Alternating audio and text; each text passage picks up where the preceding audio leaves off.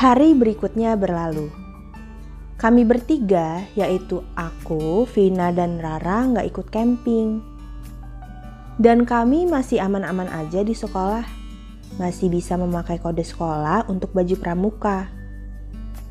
Aku dan Vina mengikuti ekskul marching. Karena dari SD kami berdua sudah mengikuti ekskul musika. Itu loh yang kayak marching, tapi alatnya pianika dan suling. Sedangkan Rara, dia ikut teater. Di sekolah, kerjaan kami membicarakan Kak Afri. Iya, kami. Karena Vina dan Rara suka ikut-ikutan. Gak tahu kenapa aku bisa suka sama Kak Afri. Mungkin di antara kakak yang lain, dia yang paling ganteng kali ya.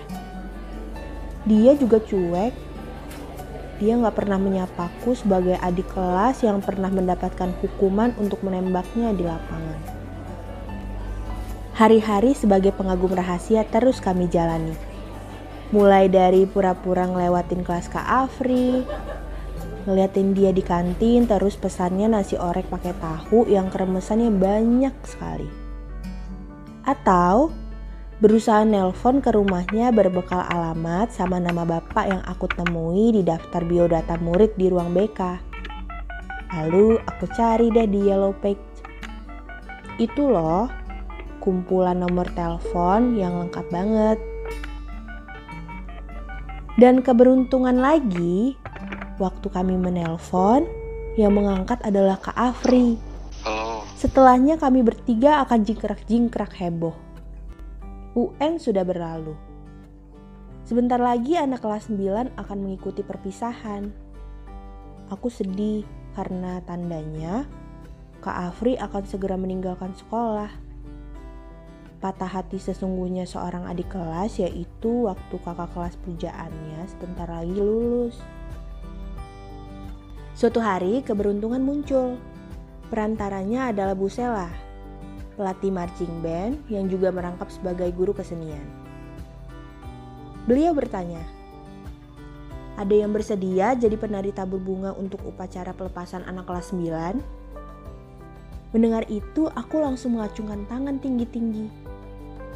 Itu kesempatan emas karena aku bisa melihat Kak Afri. Saya bu, saya.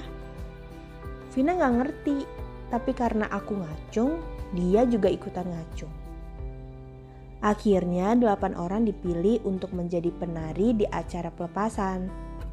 Salah duanya yaitu aku dan Vina. Aku udah cerita terus ke Vina sama Rara kalau aku kangen banget sama Kak Afri, makanya aku mau ikutan acara ini. Geladi resik pun tiba. Sore itu, aku sama Vina naik beca ke gedung yang jauh sekali. Saking jauhnya, kata Mamang Beca sebentar lagi nyampe Jakarta. Sampai di sana, orang pertama yang aku cari adalah Kak Afri. Posisi anak-anak kelas 9 duduk di kursi depan panggung, sedangkan aku sama teman-teman penari ada di balik panggung untuk latihan. Kelas 9 mau gladi untuk menampilkan pertunjukan, dan aku nungguin dia aja di belakang panggung sendirian. Aku SMS Vina yang lagi pergi sama Rara. Sambil menunggu Kak Afri tampil, oh iya, HP aku udah ganti loh, bukan 2100 lagi, tapi Nokia 6600 yang ada gambar dan bisa dengerin musik. Nah, anak-anak kelas 9 yang udah kumpul di belakang panggung, sekarang adalah kelas 9D. Sebentar lagi kelas 9E. Aku deg-degan banget. Ketika kelas 9D maju ke panggung, operator mempersilahkan anak-anak kelas 9E untuk masuk ke belakang panggung aku ngeliat Kak Afri. Dia pakai jaket parasut merah. Rambutnya ternyata udah dipotong. Dan menurut aku itu ganteng banget.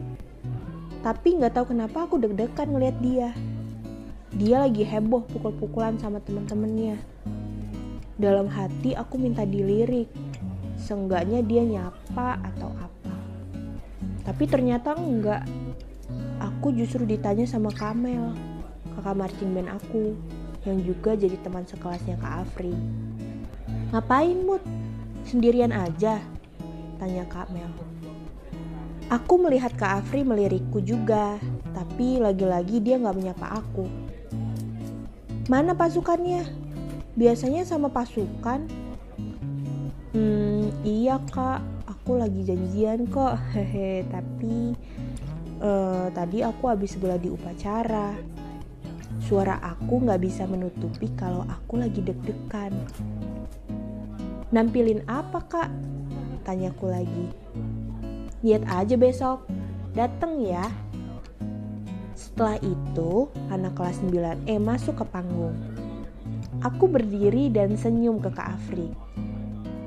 Dan gak disangka, Kak Afri membalas senyuman aku. Selesai dari gladi resik, aku melihat Kak Afri menghampiri seorang cewek di luar gedung. Aku langsung murung dan bete tanpa sebab. Aneh ya, padahal aku gak punya hubungan apa-apa. Tapi kok sudah ada perasaan ingin memiliki? Hari perpisahan tiba. Aku berdandan dan langsung ke posisi untuk upacara pelepasan. Aku ngelihat Afri duduk di barisan kedua dan semuanya cowok. Cinta itu emang aneh ya. Melihat orang yang disuka aja, ternyata udah bisa bikin bersemangat. Setelah menampilkan upacara tari tabur bunga, aku dan Vina menuju ke ruang make up untuk makan nasi kotak. Mut, kamu jatuh cinta beneran ya? Tanya Vina tiba-tiba. Hah? Maksudnya, Vin? Iya, kamu beneran suka ya sama A Afri? Aku kira bohongan. Soalnya aku sama Rara kan bohongan doang. Cuma gara-gara gak tahan lihat dia ganteng banget. Hmm, kayaknya iya. Tapi aku gak tahu, Vin, kataku. Selesai makan, aku ke belakang panggung lagi dan melihat Kak Afri bersama teman-temannya bersiap-siap akan tampil. Coba tebak, waktu aku senyum, dia senyumin aku lagi. Dasar anak SMP. Baru gitu doang, tapi bapernya udah selangit. Dan nggak tahu kenapa aku mendadak sedih karena berpikir nggak bisa ketemu Kak Afri lagi di sekolah. Nggak ada yang kelasnya aku lewatin untuk tahu dia lagi ngapain. Nggak ada yang bikin aku semangat pergi ke kantin. Cinta masa SMP ku akan berlayar jauh.